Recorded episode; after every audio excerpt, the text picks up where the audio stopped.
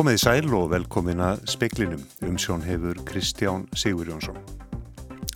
Forstjóri landsbítarans segir að bregðast verði harkalega við ef COVID-smitt koma upp eftir að landamæri hafi verið opnuð.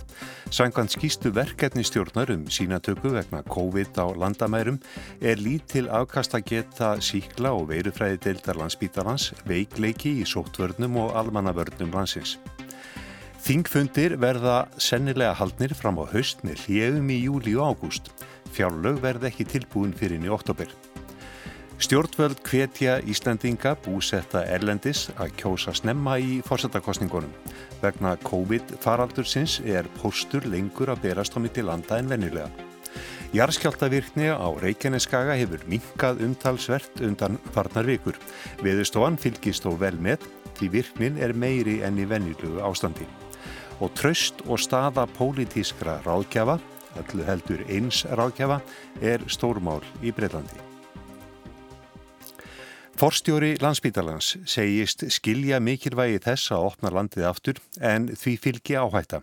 Komi upp smitt þurfi að breyðast all harkalega við. Sankvæmt skýslu verkefnistjórnar er geta spítalans til að greina síni aðeins helmingur af því sem lagt er upp með. Til stendur að opna landi fyrir ferðamönnum á ný 15. júni. Verkefnistjórn sem helbriðisráður að skipaði um COVID-19 skimun á landamærum hefur skila skýrslu. Þar sem reyfaður eru ymsir valkostir við tveggja vikna sótt kví meðal annars COVID-19 próf. Verkefnistjórnin segir að síkla og verufræði til landsbítalans geti ekki greint nema 500 síni á dag en lagtar upp með að hægt var að greina 1000 síni á dag. Með kaupum og tækjum, breytingum og húsnaði og betri mönnun sé ekki hægt að ná að greina þúsund sín á dag fyrir en eftir miðjan júli. Reynda sé það svo að óháðverkefninu þurfa að fara í úrbætur á deildinni sem gerir henni kleifta sinna hlutverki sínu sem rannsóknarstofa smittsjúkdóma. Eins og staðan sé núna sé hún veikleiki í sóttvörnum og almannavörnum bæði vegna nýrar COVID-bylgu sem og faraldra annara sjúkdóma. Pál Mattíasson, forstjóri landsbytalans, tekur í brefi til helbyrðisraðanitisins undir að auka þurfi afkastagetu deildarinnar og týnir fleira til. Það eru, eru margir óvissu þætti þarna en okkar matið það, áættum matið það að uh, þetta verði heilmikil áskorun vegna tækjabúnar og vegna uh, mönnunar, sérstaklega yfir hásumarið uh, en við munum auðvitað gera okkar besta og það er rétt að benda á það auðvitað að um leið og fyrsta fyrstu veikindi kemur, bjallur þótt að sé ekki alveg veikindi heldur aðeins smitt, að þá þurfum við að breyðast all harkala við og, og gera okkur undirbúin fyrir eh, heilmikið áttak. Bjarni Jónasson, forstjóri Sjúkrósins og Akureyri, segir í sínu svari að komi upp smitt hjá erlendum ferðamanni sé líklegt að það geti gerst á Norðurlandi. Áhætt að sé á verulegri röskun gerist það og getan til að takast ávið slíkt ráðist af næjanleiri mönnun. Forstjóri landsbítalans segir áhættu samt að opna landið. Ja, við skiljum mikilvægi þess að opna landið aftur af öllum ástöðum en það er líka mjög mikilvægt að fara vallega. E, það er áhætta þessu samfara hvena sem að stíð er, skrefið er stíð. E, við sjáum það að í sumar, sérstaklega með þreytt stafsfólk og e, í rauninni erfileika í mönnun á þeim álagstíma sem sumarlefi oft eru, þá verður þetta sérstök áskurun. Þetta var Pál Mattíasson, Haugur Holm tók saman. Síðar í speiklunum verður rætt við Svandísi Svavarsdóttur, helbriðis ráðera. Til skoðunar er að þingkald haldi áfram fram á haust með hljefum á þingfundum í júli og ágúst og svo kallar stuppur verði í ágústlokk eða í september þar sem fjallaverður um endur skoða fjármálastefnu. Þetta var rætt á fundi formanna flokkana á alþingi í morgun. Fréttastofa hefur rætt við formennina sem sína því skilning að fjárlaga gerð er raskist í núverandi ástandi. Fjármálar á þeirra segir að fjárlög verði ekki tilbúin fyrir í oktober og þá verði það að vera þannig. Hins vegar hefur ekki verið ákviðið endanlega með hver lengi þingfundir haldi áfram inn í sumarið. Sangvænt starfsáallun er síðasti þingfundur 24. júni. Mun fleiri hafa kosið utan kjörfundar í dag en í kær þegar kostning utan kjörfundar fyrir fórsetakostningarnar hófust. 219 hafðu greitt atkvæði um hálf, klukkan hálf fjögur í dag en í gær greittu 140 atkvæði. Samtals hafa því 350 59 greitt atkvæði. Utan kjörfundar tölvukerfi síslumanns lá niður í um klukkustund eftir háti í dag og voruð þá fylgiseðlar og gögn handskrifuð upp á gamla mátan á meðan. Íslendingar sem búa erlendis eru kvattið til að kjósa tímalega í fórsetakostningunum í sumar. Póstur er lengur að berast á milli landa, nú en í eðlu árferði og stjórnvöld mega ekki hafa milligöngu um að koma atkvæði á áfangastad. Fórsetakostningarnar verða 27. júni. Utan kjörfundar atkvæðagreisla hófst í gær og það gildir einnig fyrir Íslendingar sem búa í útlöndum. Póstur hefur verið óvenju lengi að berast á milli landa eftir að COVID-19 faraldunum bröst út en það hefur flug á milli landa nánast leiðið niðri. Á samfélagsmiðlum má greina áhyggjur Íslendinga sem búa í útlöndum að því að atkvæði þeirra berist ekki í tæka tíð og sumir varpa fram þeirri spurningu hvort stjórnvöld get ekki aðstóða kjósendur með einum við öðrum hætti. Til dæmis hefur þeirri hugmynd verið varpa fram að sendir á þun sapni atkvæðum í kassa og sendi þau heim Nú eða þá að atkvæðataling færi hreinlega fram í einstökum sendiráðum. Samkvæmt upplýsingum frá Utaríkisráðunetinu kemur hvorug þessara hugmynda til greina. Af þeirri einföldu ástæðu að það er ekki heimilt lögum samkvæmt.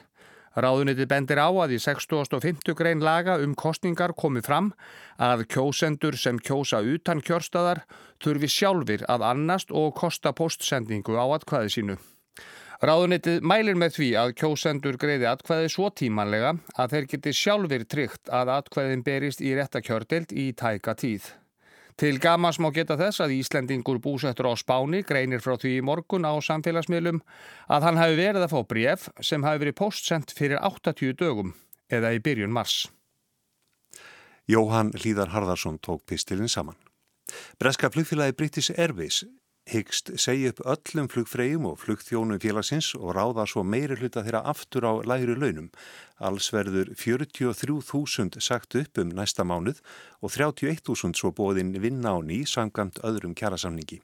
Greinti frá þessu í fagtímaritinu View from the Wing en British Airways tilkynnti fyrir umri viku að breytingar yrðu gerðar á áhöfnun flugfélagsins.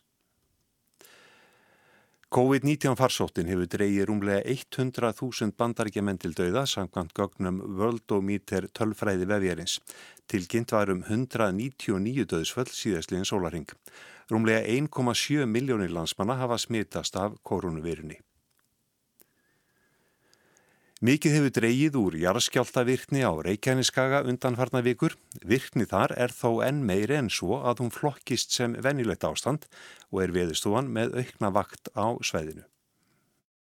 Það hefur dreyið heil mikið úr virkni og jarðskjáltavirknin er kannski heldur meiri heldur en eh, svona við viljum kalla grunn ástand. Þetta segir Kristín Jónsdóttir, hópstjóri náttúruvarvöktunar og veðustofunni. Hún segir engu að síður mikið hafa dreyður skjáltavirkni á svæðinu síðastlinnar sex vikur. Einning hefur dreyður aflögun af völdum kvikursöfnunar og telst landrisi við Þorbjörn og lokið í byli. En eru þú færslur vestast á Reykjaneskaganum við Sýrfell og ekki örugt að jarðhræringum sem er öllu lokið þar.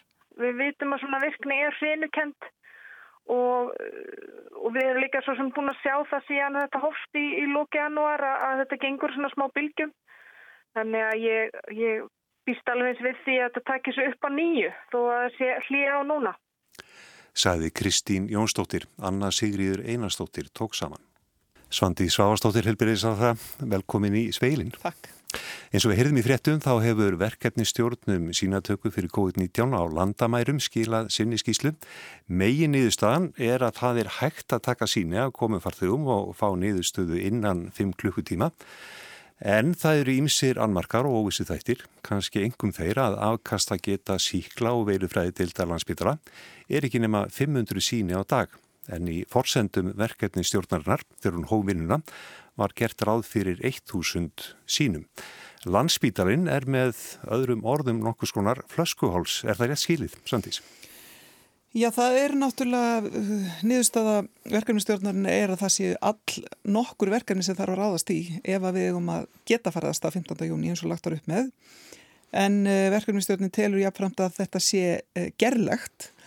Um, fyrsti punkturinn er í raun og veru verifræðideldin að greiningar getan í raun og veru og, og þá segir uh, verkefnistjórnin, já ef að við miðum við þúsund að þá þarf mánuði viðbót til þess að geta komist þangað og þá er ljóst að það þarf vendarlega að brúa það bil með einhverjum öðrum hætti og með því að, að uh, undirgangast samkomulag við annan aðila sem væri þá vendarlega íslenska erðagreining eða díkót. Um, það er uh, hins vegar alveg ljóst að þegar að um, verkefnið er sett að stað fyrir viku og þegar maður horfir á það núna þá líður mann eins og það sé miklu lengur tími síðan það var sett að stað vegna þess hvað forsendunar eru fljótar að breytast. Um, hvaða galdra tala er þúsund síni á dag? Uh, eru það kannski alveg eins 1500 síni eða, eða eru það bara 500 síni? Uh, fyrir viku að þá uh, leið okkur eins og þetta myndi fara mjög hægt af stað og við hefðum kannski góðan tíma og gott ráðrum til þess að, að byrja þetta uh, nú sjáum við að það er strax komin meiri eftirspurn eftir Íslandi bara á þessum örfa og dögun sem liðnir eru Eh, þannig að við þurfum augljóslega að uh, auka greiningagetuna ef við ætlum að halda okkur við það uh, markmið að skima hvern einasta mann sem kemur uh, til landsins í gegnum hvort sem er leifstöða eða, eða önnur hliðin í landi. Mm. 500 síni, þetta er ekki nema hvað þrjáru velar eða svo? Já, það er það sko og, og þegar við erum að leggja upp með þetta plan og, og þar með eru, eru þúsund síni ekki nema helmingi fleiri en það og uh, þegar við erum að horfa til þess að sumarið 2019 þá eru við kannski að tala um uh, fjögur þúsund manns á dag í gegnum uh, inn í landið í ágúst það sem er svona ákveðin hápunktur þar þannig að við auðvitað gerum ráð fyrir því að þetta sé að fara að gerast mjög hægt og, og það er engin ástæð til annars en að ætla það að það gerist hægt en hins vegar að, að þá er jafnljóst að, að þetta kann að vera meiri þrýstingur á komum til landsins heldur um við kannski gerðum, grein, gerðum okkur grein fyrir fyrir viku síðan. Mm. Það segir í skýslinu og eðaldi rugglandi að verkefnistjórnin hún gengur út frá því að áframverði það megin reglan við komum til landsins að farþegar þurfa að fara í sótkví í 14 daga. E, búist ekki við því að flestir kjósi það að fara í sínantöku?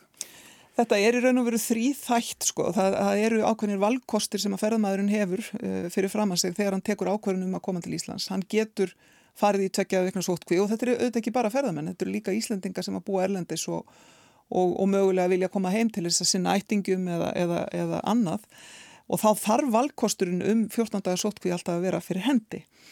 Uh, valkostur nummið tvö er að koma með einhvers konar gagn eða, eða staðfestingu frá heilbyrðisiföldum á, á uh, uh, í landinu þannig sem maður er að koma um annarkvort að maður sé ekki með veiruna eða þá að hafi fengið hann áður og sé með vantalegt mótefni. Þriði kosturinn er svo þessi sem við erum að, að skoða hér sem er sína að taka á landamærum.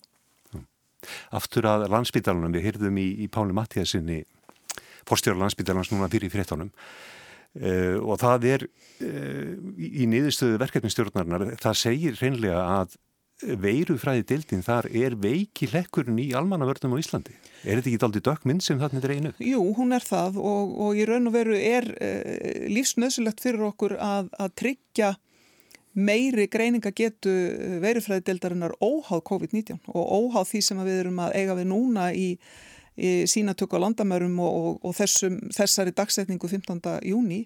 Eh, við þurfum að byggja upp þessa getu til lengri framtíðar vegna þess að um, ef eitthvað er víst að þá er það að við um eftir að glíma við uh, faraldra aftur og, og áskoranir og til þess að við gerum það vel og þá þurfum við að tryggja að allir þættir almannavarna séu lægi. Þannig að mér finnst algjörlega einbóðið að við þurfum að fara í að ebla verufræðdeldina óháð öðru. Mm. En hvað með eins og talar um að það með íslenska erðagreiningu, er, er það raunhafur valkostur? Já, íslenska erðagreining hefur, hefur komið að uh, verkefninu í raun og veru alveg frá því að, að fyrsta smitt var greint hér á Íslandi og í raun og veru á díkót mjög stóran þátt í því hversu vel okkur hefur gengið hér á Íslandi með því til dæmis að við erum að uh, skima miklu, miklu fleiri heldur en að jafnaði gerist með að við höðatölu í löndunum í kringum okkur og í heiminum yfir höfuð. Þannig að aðkoma íslenskar erðagreiningar hefur verið greiðarlega mikilvæg og greiningagetan þar er mikil. Um, þannig að það er, það er bara eitt af þeim verkefnum sem að þarf að leysa í, í framhaldinu um, með hvaða hættis líka aðkoma geti verið. Mm. Þú talar um hérna áðan að það væru svo margir óvissu tættir og forsendur breytust bara dag frá degi. Eh, var það tilfýring fólks þarna í, í hófnum að, að menn væri að leika sér aldrei eldinum? Nei, ég held ég, ég held ég sé alveg að segja uh, satt og rétt frá þegar ég segja að það er ekki svo tilfinning.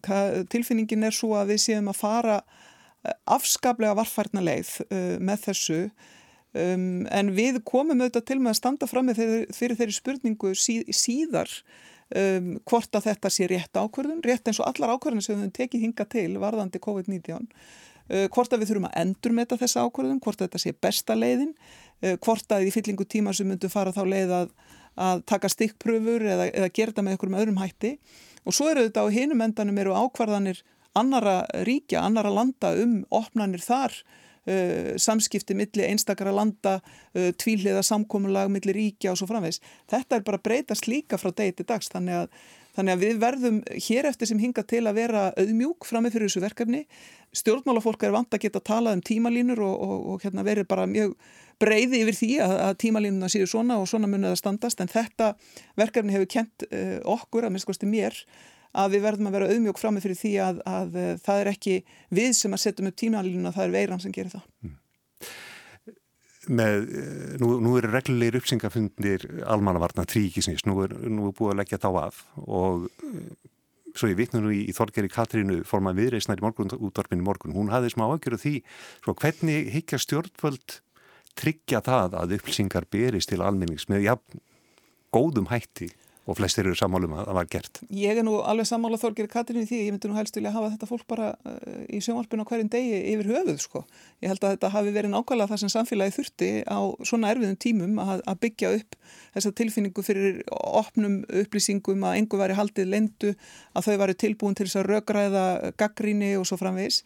Eh, en það breytir því ekki að þegar að neyðast í almannavarna er aflétt að þá er þetta náttúrulega verkefni sem að fera á að byð, ef svo má segja.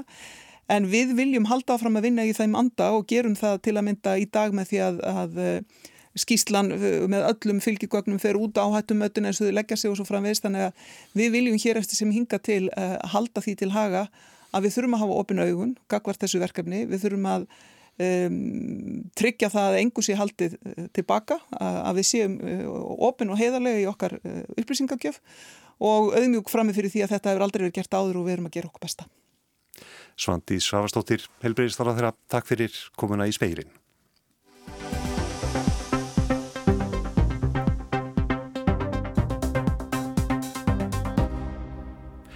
Um 50 fyrirtæki hafa ákveð að endur greiða bætur sem þau hafa fengið vegna hlutabóðaleiðarinnar.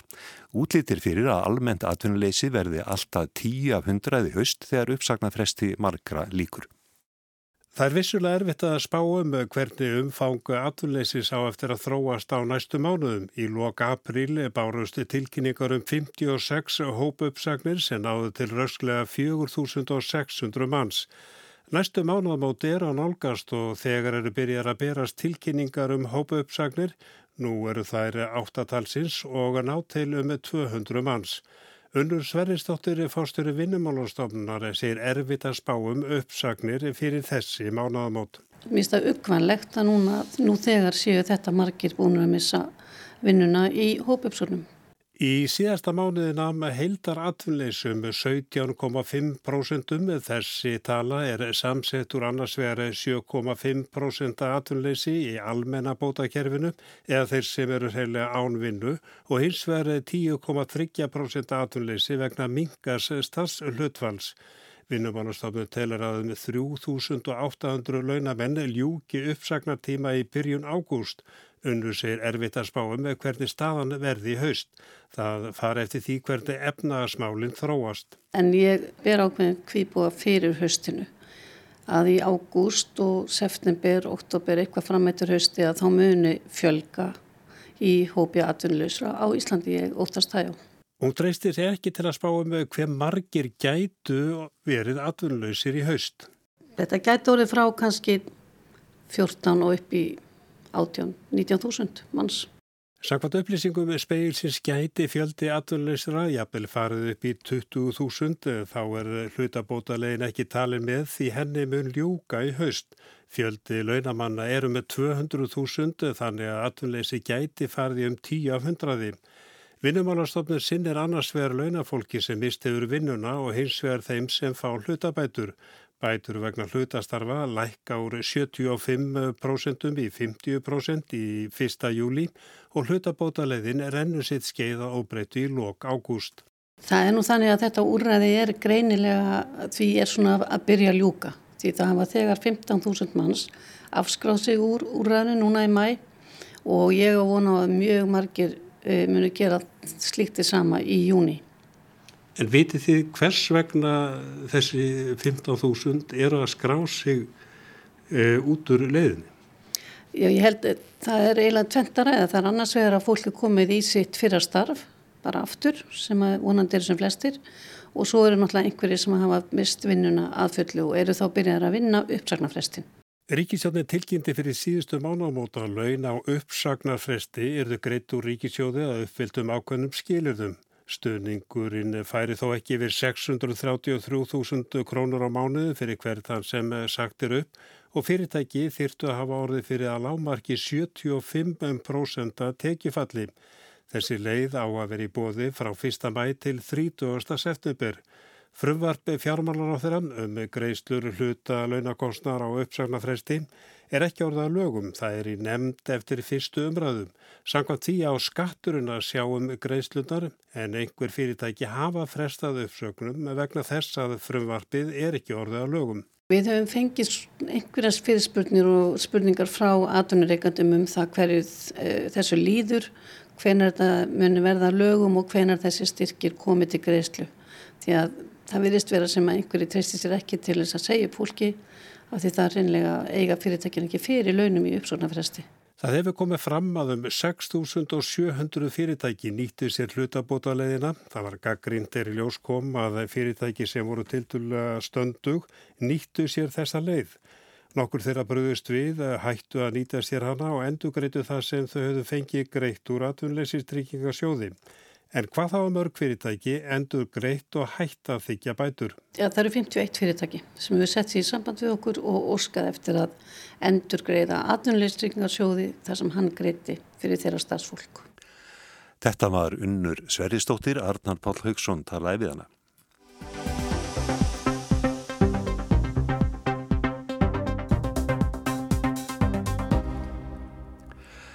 Ferðabann hefur verið liður í viðrögninni við COVID-19 veiruna. Í Breitlandi er rætt hvort bannið hafi í raun náð til allra eða aðeins sumra og það snertir einnig tröst á stjórnmálumunum. Tröst er stór liður í stjórnmálum en kannski ekki alltaf tröstveikjandi að sjá hvernig kaupin gerast á pólitísku eirinni. Margaret Levy, professor í stjórnmálum í Stanford Háskólan, hefur yðurlega fjallað um hvað felist í húttakinu og hvaða málið að skipti. Who do we trust about what? And what do we mean by trust? Do we mean competence? Do we mean that they're going to deliver on their promises here? Do they mean they can implement the policy? Is it fair? Hverjum treystu við? Til hvers? Hvað er áttu við með trösti? Á það við hæfni að standa skil á lofórðum, komaðum í framkvæmt, eru lofórðin sangjörn. Stjórnmálamenn haldaði gerðan á lofti að þeir verða efna lofór sín til að glata ekki trösti kjósenda. Sem óbreyttur þingmaður sæði Boris Johnson í janúari fyrra að frestun á framkvæmt útgöngubretta úr Evrópusambandinu myndi grafa undan trösti á stjórnmálum. To extend Article 50 now would do nothing but erode trust in politics. Nú þegar ríkistjórnir víðum heim hafa þurft að leggja á fólk ferða og samkomiðbann í glímunu við COVID-19 veiruna hefur sannarlega reynt á tröst svo fólk taki þessar ógnar hvaðir á sig. Hvort sem það var að því aðtiklinn var öll á brexit eða öðru, þá var breska stjórnin sein að taka veiruna föstum tökum. Ferða og samkomiðbann var sett hér 23. mars. Nokkrum dögum síðar var fósætsráð þeirra orðin veikur af veirunni. Um það leiti sendi hann öllum landsmunum bref til að nikja á að eiginsögn einum mjög einföldum skilabóðum. Verð heima. Um það leiti sem brefið með þessum einföldu skilabóðum var borið út brá nánasti ráðgjafi fórsætsráðara Dominic Cummings á annað ráð. Kyrði með konu og fjórara sinni um 450 km norður í land til að dvelja í húsi á landaregn foreldra sinna ef þau hjónin yrði nú lasin. Fjölmiðlar komust á snóður um þetta, reyndu í fimm vikur að fá skýringar á þessu ferðalagi. Á förstu daginn varð ferðin forsýðu efni tvekja breskra blada. Tveir ráðgjafar hafa þegar hætt eftir að brjóta ferðareglur og því líklegt að svo skýrt brot leiti til afsagnar ráðgjafans eða hann er þið rekin. Á sunnudaginn voru rattirna svo hávarar að fórsætsráðara sá sig til neittan til að leiða sjálfur daglegan COVID-kynningarfund. Good afternoon. I want to begin by answering the big question that people have been asking in the last 48 hours, and that is Is this government asking you, uh, the people, the public, to do one thing, while senior people here in government do something else? Eftir að bjóða góðan daginn saðist fórsætsráður að vilja vinda sér strax að málinu sem hefði átt aðtiklina undanfarnar 48 tíma. Er þessi stjórn að fara fram á að þið, fólkið, gerið eitt meðan háttsett fólk í stjórninni gerir eitthvað annað, þetta tækjan alvarlega og eftir að var rætt við Cummings væri svarið að þannig væri þetta ekki. Rætti síðan skýringar ráðgjafans. Breskir fjölmiðlar sinna stjórnmálum af krafti. Summál geta verið mjög æsileg fyrir innvíða en ná alls ekki aðtikli almennings. Málið um ferðala Cummings hefur hins vegar hitt beint í þjóðarsálinna Öll þjóðin á sér sínar sögur um lífið í ferða og samkominnbanni og þær eru um harðræði, ekki um listiferðir til af og ömmu.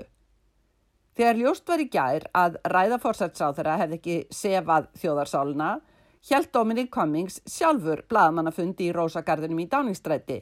Hluti af sögunni var að áður en Cummings-sjónin snýru aftur heim hefði haft áhugjur af sjónans og því ákveði að fara í bíltúr á fallegan stað hann kerði, til að aðtuga að sjónin væri nú í lægi. Jú, þetta óvenjulega sjónpróf staðfesti að hann gata alveg keirt, kerði því tilbaka til London daginn eftir. Nú hefur fórsætsráðara mist um 20% stiga fylgi. 30 stjórnarþingmenn krefjast afsagnarkommings og einn undir ráð þeirra sagt af sér, meðal annars að því svona brot grafi undan vilja fólks til að fylgja reglum. Samt heldur fórsætsráðara í ráðgjafan, sagði fréttakona BBC og spurði einn ráðara í háttegisfréttunum í dag. And yet he's hanging on to um, an advisor and it's, which, which is why I ask, what is so special about him? Hvað er svona sérstætt við hennar ráðgjafa? Getur ríkistjórnin ekki starfað ánans? Það var fátum svör En það vantar ekki brandara eins og þá spurningu hvort Cummings reiki kannski fórsætsrað þeirra. Eitt í viðbót kom svo í ljós eftir blagamannafund Cummings á fundinum sæðist hann, óaðspurður, hafa verið meðvitaður um hættur koronaveirunar löngu áður en faraldrun skall á og vísaði í bloggfærslu. Mikið rétt í bloggi frá í fyrra nefndi Cummings hættuna sem heiminum gæti stafað af koronaveirum. En við nánar aðtún sérst að þetta um koronaveiruna er viðbót frá nú í apríl. Svo nei, sínir ekki að Cummings hafi hugleit koronaveirur í fyrra. Þá er spurningin að fyrst Cummings skjöplaðist á sannleikanum um veiruforsjá sína, hvað þá með ferðarsöguna? Markir þingmenn íhalsflokksins fá nú postflöym frá kjósundum um ómalt harðræði í að fara eftir reglunum sem Cummings komist nú upp með að hundsa. En kjarni málsins er ekki ráðgjafinn heldur fórsætsráðurann sem lifir á trösti eins og aðri stjórnmálamenn. Ef svo tilfinning verður ofan á að fórsætsráðura standi með ráðgjafa sínum gegn þjóðinni, geti það grafið ærlega undan trösti á fórsætsráðura og stjórnans. Sigrún Davísdóttir saði frá. Það var helst í speklinu í kvöld að forstjóri landsbítalans segir að bregðast verði harkalega við ef COVID-smitt koma upp eftir að landamæri hafi verið opnuð. Sankant skýslu verkefni stjórnar um sínatöku vegna COVID á landamærum er lítil afkast að geta síkla og veirufræði til það landsbítalans, veikleiki í sóttvörnum og almannavörnum landsins. Þingfundir verða sennilega haldnir fram á höst með hljegum í júli og ágúst. Fjárlög verða ekki tilbúin fyrir í oktober. Stjórnvöld hvetja Íslandinga búsetta elendis að kjósa snemma í fórsettakostningunum vegna COVID-faraldursins er postur lengur að berast á milli landa en venjulega. Og jarðskjáltavirkni á Reykjaneskaga hefur minkað umtalsvert undan farnar vikur. Þá er ekki fleira í spekli kvöldsins, tækni maður í útsendingu var Magnús Þorstein Magnússon. Verðið sæl.